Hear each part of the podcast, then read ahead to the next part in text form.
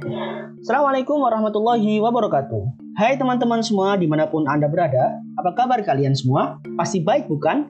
Kembali lagi bersama kami kelompok 1 mata kuliah kewarganegaraan kelas HPI 1B. Saya Muhammad Alvin Nasir tidaklah sendiri. Di sini saya ditemani oleh rekan-rekan saya yang ikut berpartisipasi dalam podcast ini.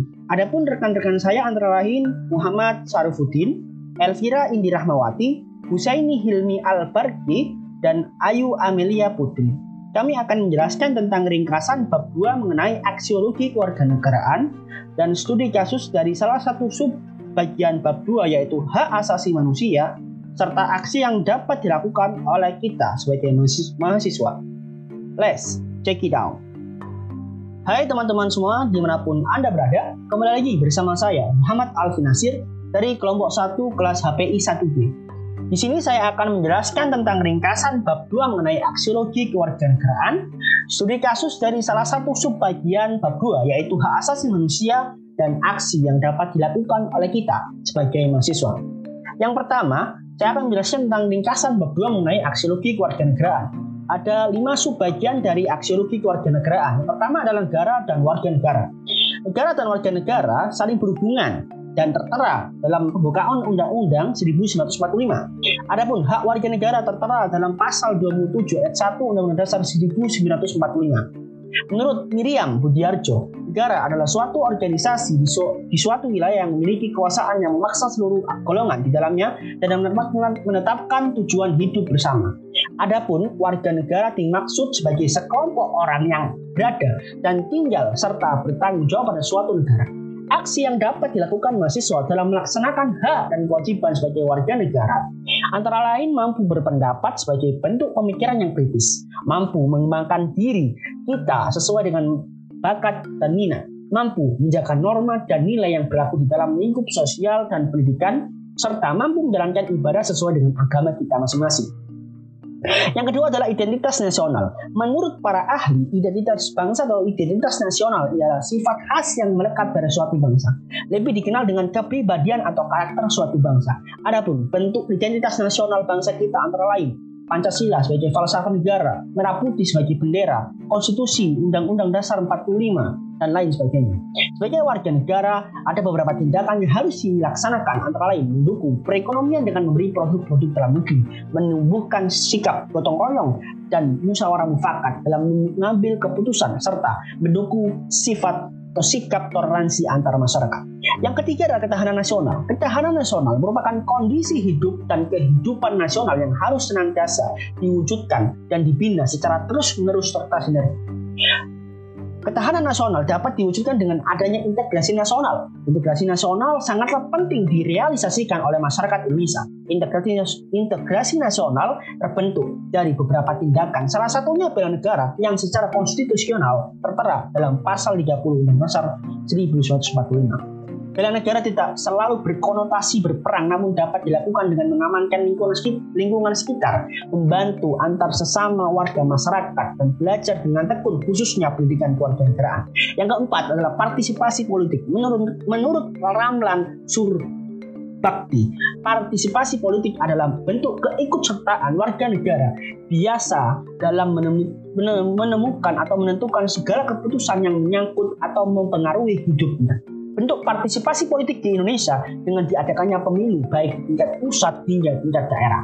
Sebagai generasi penerus, sebaiknya kita mampu mengisi kegiatan pemilu dengan memberikan kantong suara atau voting dan menghindari golput atau golongan putih serta menandaskan luber jujur dalam pemilu. Yang terakhir adalah hak asasi manusia. Hak asasi manusia merupakan hak dasar atau hak keluarga negaraan yang melekat pada seseorang sejak dia dilahirkan secara kodrat, yang diberikan langsung oleh Tuhan Yang Maha Esa, yang tidak bisa dirampas dan dicabut eksistensinya, serta harus dihormati, dijunjung tinggi dan dilindungi oleh negara, hukum, pemerintah, dan setiap orang demi kehormatan dan perlindungan harkat dan martabat sebagai manusia kita dapat merealisasikan hak asasi manusia mulai beberapa tindakan antara lain tidak mengganggu peribadatan agama lain, menghargai pendapat orang lain, dan berperilaku sopan dan santun. Selanjutnya saya akan menjelaskan tentang studi kasus. Dewasa ini, Sebagai latar belakang, dewasa ini aksiologi keluarga negaraan merupakan tindakan yang diperhatikan. Salah satunya penegakan hak asasi manusia di Indonesia. Hal ini terjadi karena maraknya pelanggaran dalam penegakan hak asasi manusia yang tak ada hentinya dan tak ada habisnya. Pelanggaran yang terjadi dimulai dari pelanggaran-pelanggaran yang kecil hingga besar, yang mana bisa terjadi di luang, ruang lingkup lingkungan sekitar kita. Hal tersebut jelas melanggar nilai-nilai luhur bangsa kita yang tertera, yang tertera dalam Pancasila dan Konstitusi Undang-Undang Dasar 1945. Mengingat dalam Undang-Undang Dasar 1945 menyinggung beberapa substansi mengenai hak asasi manusia dari pasal-pasalnya. Tak bisa dipungkiri bahwa penegakannya kurang optimal dan maksimal. Studi kasus ini akan menjelaskan tentang bagaimana pengimplementasinya dan bentuk aksi nyata yang dapat dilakukan oleh para mahasiswa sebagai generasi penerus. Oleh karena itu, saya memilih hak asasi manusia yang saya angkat dalam studi kasus ini. Landasan teori atau landasan masalah. Hak asasi manusia adalah seperangkat hak, seperangkat hak yang melekat pada hakikat dan keberadaan manusia sebagai makhluk Tuhan yang Maha Esa dan merupakan anugerah yang wajib dihormati, dijunjung tinggi dan dilindungi oleh negara, hukum, pemerintah, dan setiap orang demi kehormatan dan perlindungan hak dan martabat manusia. Hak asasi manusia diatur dalam Undang-Undang Nomor 39 Tahun 1999 tentang hak asasi manusia. Hak asasi manusia juga tercantum dalam Undang-Undang Dasar Negara Republik Indonesia tahun 1945 dalam pasal 28. Adapun bentuk pelanggaran hak asasi manusia yang terjadi di Indonesia antara lain peristiwa penyerangan bom Bali yang terjadi pada tahun tahun 2001 dan 2002 yang menewaskan ratusan orang. Kasus bullying-bullying yang terjadi di lingkungan sekolah, pertumbuhan ber, pembunuhan berencana dan lain sebagainya. Yang terakhir yaitu aksi yang dapat kita lakukan sebagai mahasiswa, sebagai generasi penerus antara lain membangun jejaring gerakan hak asasi manusia dengan lembaga-lembaga relevan dan terkait seperti Komnas HAM. Menolak dengan tegas segala bentuk pelanggaran dan penyimpangan hak asasi manusia yang terjadi khususnya di Indonesia. Yang ketiga, yaitu mampu bersikap atau bersifat kritis dan solutif terhadap upaya penegakan hak asasi manusia di Indonesia. Di podcast kali ini saya akan menjelaskan aksiologi kewarganegaraan. Ada beberapa aksiologi kewarganegaraan. Yang pertama yaitu negara dan warga negara, yang kedua yaitu identitas nasional, yang ketiga yaitu ketahanan nasional, yang keempat yaitu partisipasi politik dan yang kelima yaitu hak asasi manusia. Yang pertama yaitu negara dan warga negara. Dalam pembukaan UUD 1945 diketahui bahwa negara dan warga negara keduanya memiliki hubungan timbal balik yang tidak dapat dipisahkan. Keduanya saling memiliki tanggung jawab karena tujuan negara yang sekaligus menjadi tanggung jawab negara yaitu memajukan kesejahteraan umum, mencerdaskan kehidupan bangsa dan ikut melaksanakan ketertiban dunia yang berdasarkan kemerdekaan, perdamaian abadi dan keadilan sosial. Seperti persepak bola di Indonesia sekarang ini, banyak hal yang bisa kita temukan temukan yang sering main suap menyuap, klub lebih mementingkan bursa transfer, pemain luar negeri dan terakhir yaitu supporter yang rasis dan lain-lain. Seharusnya PSSI sebagai yang mengatur persepak bolaan di negeri ini lebih tegas dan memikirkan bagaimana Indonesia negara ini ke depan depan bukan mementingkan jabatan dan uang agar persepak bola Indonesia ini lebih maju, lebih bisa masuk ke Piala Dunia dan juga klub harus lebih sedikit mengurangi membeli pemain luar negeri dan memperbanyak kader sepak bola muda. Yang selanjutnya yaitu identitas nasional adalah manifestasi dari nilai-nilai budaya yang berkembang dalam berbagai aspek kehidupan suatu bangsa atau nation dengan ciri-cirinya yang khas yang dengannya kehidupan suatu bangsa berbeda dengan lainnya. Karena masyarakat selalu berkembang maka nilai-nilai tersebut juga cenderung terus terus berkembang sesuai dengan perkembangan masyarakat tersebut. Dalam kaitan inilah perlunya mempelajari dan memahami identitas bangsa yang baik dan dengannya bangsa kita dapat berdiri sejajar bahkan dihormati oleh negara lainnya. Studi kasusnya yaitu pakaian brand luar negeri yang sedang tren-trennya di kalangan anak muda. Seharusnya bagi kalangan anak muda seperti kita ini harus lebih memilih buatan Indonesia daripada luar negeri seperti Nevada, Guess, dan lain-lain. Seperti kita ketahui, brand ternama sekarang dari Indonesia yaitu Erigo sudah mulai mendunia dan sudah mengikuti New York Fashion Week di New York City, Amerika di sana. Kita harus terus dukung dengan cara membeli brand-brand tersebut atau brand-brand buatan Indonesia lainnya. Kita harus bangga dengan produk-produk Indonesia. Yang ketiga yaitu ketahanan nasional. Pengertian dari ketahanan nasional itu yaitu bangsa Indonesia adalah kondisi dinamik bangsa Indonesia yang meliputi segenap aspek kehidupan nasional yang terintegrasi berisi keuletan dan ketangguhan yang mengandung kemampuan mengembangkan kekuatan nasional dalam menghadapi dan mengatasi segala ancaman, tantangan, hambatan dan gangguan baik dari luar maupun dari dalam untuk menjamin identitas, integritas, kelangsungan hidup bangsa dan negara serta perjuangan mencapai tujuan nasional. Seperti yang kita ketahui, laut Indonesia kita ini sering dirusak dan diambil manfaatnya oleh kapal ilegal atau pencuri hasil lautan Indonesia. Kita harus mempunyai aksi yaitu keamanan laut harus lebih ketat dan keamanan ha, keamanan harus sering-sering patrol lautannya tersebut. Karena kita ketahui maling itu sungguh sangat pintar pencuri-pencuri luar negeri itu sanggup main otak. Makanya kita keamanan itu harus harus lebih-lebih memperketat lautan Indonesia kita ini. Yang keempat yaitu partisipasi politik adalah salah satu aspek penting suatu demokrasi Partisipasi politik merupakan ciri khas dan dari modernisasi politik.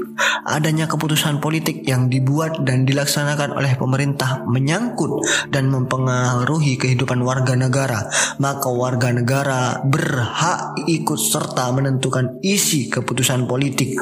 Oleh karena itu, yang dimaksud dengan partisipasi politik menurut Huntington dan Nelson adalah kegiatan warga negara yang bertindak sebagai pribadi-pribadi yang dimaksud maksud untuk mempengaruhi pembuatan keputusan oleh pemerintah. Studi kasusnya yaitu seperti suara pilkada yang dibeli atau suara yang dipermainkan. Aksinya kita sebagai warga negara yang bersuara jangan mau dibeli dengan cara berkedok memberi bansos dan uang agar dipilih. Jangan mau ditipu, teman-teman. Dan untuk yang mencalonkan agar bermain dengan cara jujur, tidak usah berlagak berkuasa karena uang ataupun orang dalam. Dan bagi pelaksana pilkada lebih tepatnya KPU jangan mau disogok ataupun apalah itu. Yang terakhir yaitu hak asasi manusia.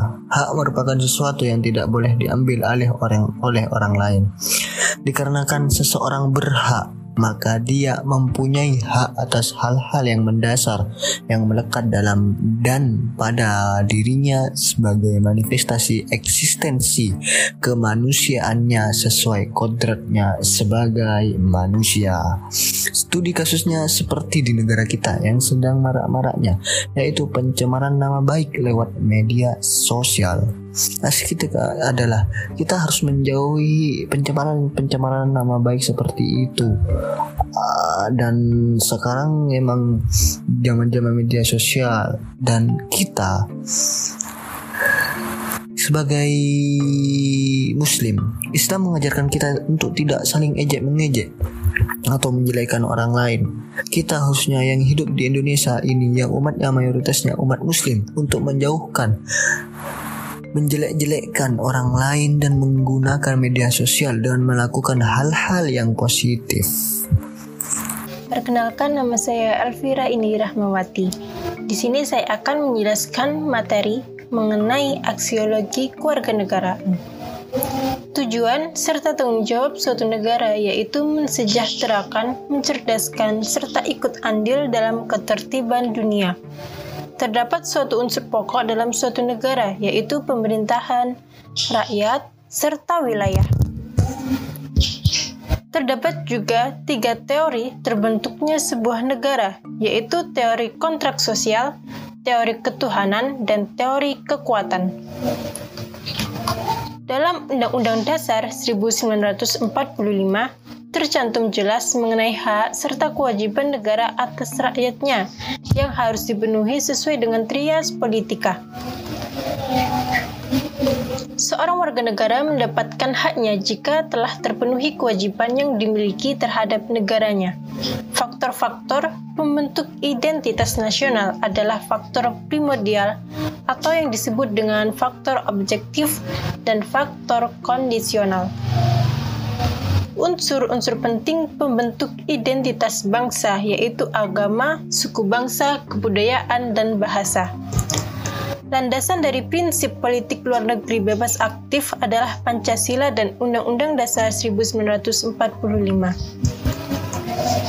Hak asasi manusia merupakan hak yang melekat pada setiap manusia sejak awal dilahirkan yang berlaku seumur hidup dan tidak dapat diganggu gugat oleh siapa pun. Terdapat teori-teori landasan filosofis hak asasi manusia berupa teori hukum alam, teori kontrak sosial, teori relativis budaya, serta teori hak asasi manusia dalam Islam. Oke, di sini saya akan membahas mengenai hak asasi manusia. Hak asasi manusia telah menjadi pembahasan sehari-hari dan telah digunakan baik di kalangan birokrasi, militer, maupun masyarakat umum Pendegakan hak asasi manusia menjadi persoalan yang diperhatikan khususnya di Indonesia. Pelanggar hak asasi manusia dapat terjadi karena mereka tidak menghormati, melindungi, dan menyalahgunakan kekuasaan yang mereka miliki. Contoh kasus pelanggaran hak asasi manusia berat yaitu pembunuhan seperti tragedi Trisakti dan bom Bali yang menewaskan beberapa orang. Namun dalam kasus pelanggaran hak asasi manusia ringan dapat kita temui mungkin bisa kita lihat dalam kehidupan sehari-hari seperti pembulian baik terjadi di lingkungan masyarakat maupun sekolah.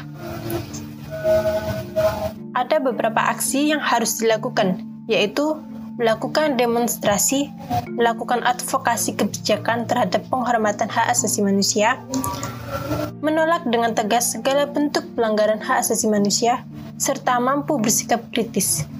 Kembali lagi dengan Husaini Hilmi, mari kita sedikit membahas tentang aksiologi kewarganegaraan yang memiliki beberapa aspek penting seperti negara dan warga negaranya, identitas nasional, ketahanan nasional, partisipasi politik, dan hak asasi manusia. Aspek penting yang pertama yakni negara dan warga negaranya. Yang dimaksud dengan warga negara adalah sekelompok orang yang berandaskan hukum yang menjadi penduduk legal di sebuah negara tersebut. Aspek ini dinilai sangat penting bahkan dalam terbentuknya suatu negara. Aspek selanjutnya yakni identitas nasional yang merupakan sebuah ciri khusus yang dimiliki negara tersebut dan tidak terdapat di negara lain yang dapat dilihat dari dua sudut pandang yakni identitas pribadi seperti kartu tanda penduduk, surat izin mengemudi dan lain sebagainya dan dari sudut pandang bernegara seperti Pancasila sebagai dasar negara, Undang-Undang Dasar 1945, lagu kebangsaan Indonesia Raya, serta kebudayaan masing-masing daerah yang tak dapat disebutkan. Yang selanjutnya adalah aspek ketahanan nasional, yang berarti kondisi dinamik suatu bangsa yang meliputi segenap aspek kehidupan nasional yang terintegrasi. Hal ini didasari oleh nilai-nilai yang tersusun berlandaskan Pancasila, Undang-Undang Dasar 1945, dan wawasan internasional yang terdiri dari beberapa asas yaitu asas kesejahteraan dan keamanan, asas komprehensif integral atau menyeluruh terpadu, asas mawas ke dalam dan mawas keluar, asas kekeluargaan. Nah, partisipasi politik menjadi aspek penting berikutnya yang dimaknai sebagai kegiatan warga negara yang bertindak sebagai pribadi-pribadi yang dimaksudkan untuk mempengaruhi pembuatan keputusan oleh pemerintah. Dalam bentuknya, kegiatan partisipasi terdiri dari partisipasi aktif, partisipasi pasif atau apatis, partisipasi militan radikal, dan partisipasi pasif. Dan aspek yang terpenting yakni hak asasi manusia yang merupakan hak murni dan melekat pada diri setiap manusia sejak awal dilahirkan dan berlaku seumur hidup serta tak dapat diganggu gugat oleh siapa pun. Hak asasi manusia mencakup beberapa hal yakni hak untuk hidup, hak berkeluarga dan melanjutkan keturunan, hak mengembangkan diri, hak memperoleh keadilan, hak atas kebebasan pribadi, hak atas rasa aman, hak atas kesejahteraan, hak turut serta dalam pemerintahan, hak wanita dan yang terakhir adalah hak anak. Banyaknya pelanggaran atas hak asasi manusia membuat siapa saja tertarik untuk membahas secara intensif mengenai HAM yang dapat kita lihat kurangnya pengoptimalan dalam pelaksanaannya. Sedangkan seluruh batang tubuh dasar negara Undang-Undang Dasar 1945 selalu menekankan pentingnya hak asasi manusia. Dan tentunya dikhususkan dalam bab 10A mulai dari pasal 28A hingga 28C dan tentu banyak sekali contoh aksi dalam upaya penegakan hak asasi manusia di antaranya dengan menolak dengan tegas segala bentuk pelanggaran dan penyimpangan HAM berusaha bersikap kritis dan solutif berupaya ikut serta dalam kelembagaan yang melindungi hak asasi manusia seperti Komnas HAM, Komisi Perlindungan Anak Indonesia dan banyak badan sosial yang lain. Perkenalkan nama saya Ayu Amelia Putri. Di sini saya akan menjelaskan mengenai aksiologi kewarganegaraan. Undang-Undang Nomor 2 Tahun 2006 Pasal 1 Ayat 2 bahwa kewarganegaraan adalah segala hal ihwal yang berhubungan dengan warga negara. Berdasarkan undang-undang di atas ada dua istilah yang berbeda, yaitu warga negara dan rakyat yang menunjukkan objek yang sama sebagai anggota negara. Suatu negara membutuhkan tiga unsur pokok, yaitu rakyat, wilayah, dan pemerintah. Negara kesatuan dibedakan menjadi dua, yaitu sistem sentralisasi, di mana semua hal diatur oleh pemerintah pusat. Misalnya model pemerintahan Orde Baru oleh Presiden Soeharto dan sistem desentralisasi di mana ke ke kepala daerah diberi kewenangan untuk mengatur urusan pemerintah di wilayah sendiri atau hak otonomi daerah. Tiga teori terbentuknya sebuah negara, yaitu teori kontrak sosial atau sosial kontrak, teori ketuhanan atau teokrasi, dan teori kekuatan. Undang-Undang Nomor 2 Tahun 2006 tentang Kewarganegaraan Republik Indonesia Republik Indonesia Pasal 1 Ayat 1 Warga negara adalah warga suatu negara yang ditetapkan berdasarkan peraturan perundang-undangan. Undang-Undang Dasar tahun 1945 yang secara gamblang mencantumkan hak serta kewajiban negara atas rakyatnya yang harus dipenuhi sesuai trias politika ala Montesquieu sebagai salah satu elemen penting dari demokrasi, di samping supremasi hukum. Faktor yang mempengaruhi identitas bangsa adalah faktor primordial dan faktor kondisional. Unsur penting pembentuk identitas yang terpenting adalah agama dan suku bangsa, kebudayaan, dan bahasa. Contoh identitas nasional dalam bidang ekonomi turut mendukung program peningkatan perekonomian lokal di Indonesia, bidang pengetahuan, menjaga kearifan lokal, dalam bidang pendidikan mengajarkan anak didik bangsa dalam menjaga kelestarian lingkungan seperti gotong royong pengertian dan definisi dari integritas sosial menurut Safreddin Bahar.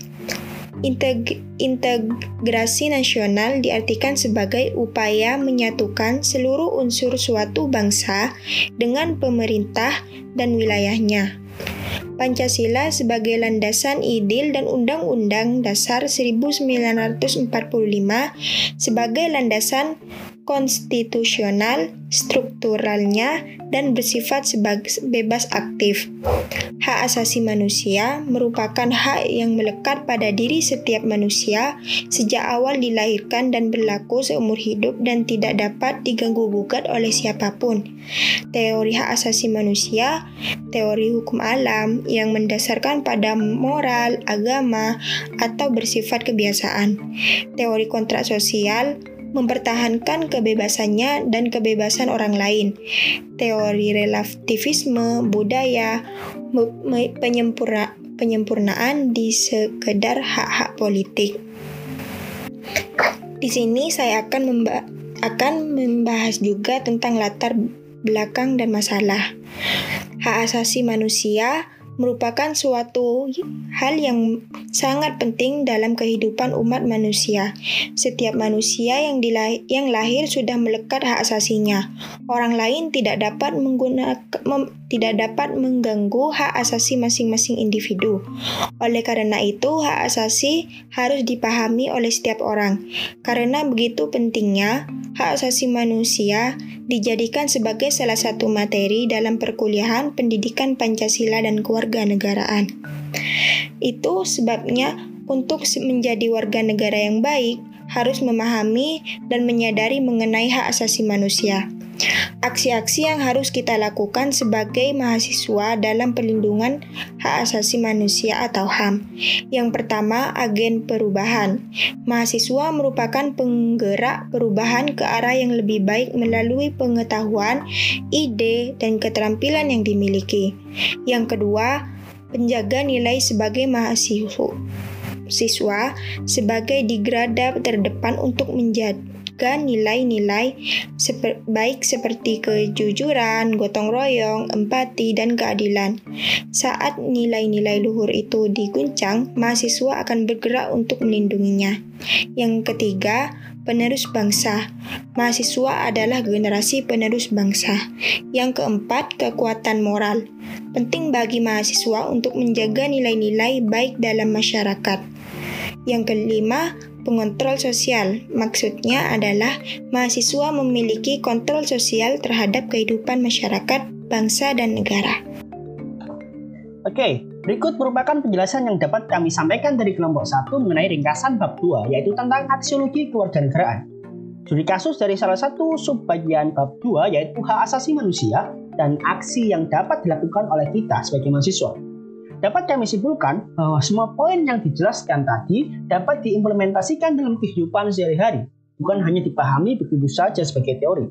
Mari kita jadikan hal tersebut mampu merubah keadaan negara dan bangsa kita agar lebih baik ke depannya. Sebagai penutup, saya mewakili rekan-rekan saya mengucapkan pamit undur diri, terima kasih dan mohon maaf bila ada salah kata yang sengaja maupun tidak disengaja. Akhirul kalam, wassalamualaikum warahmatullahi wabarakatuh.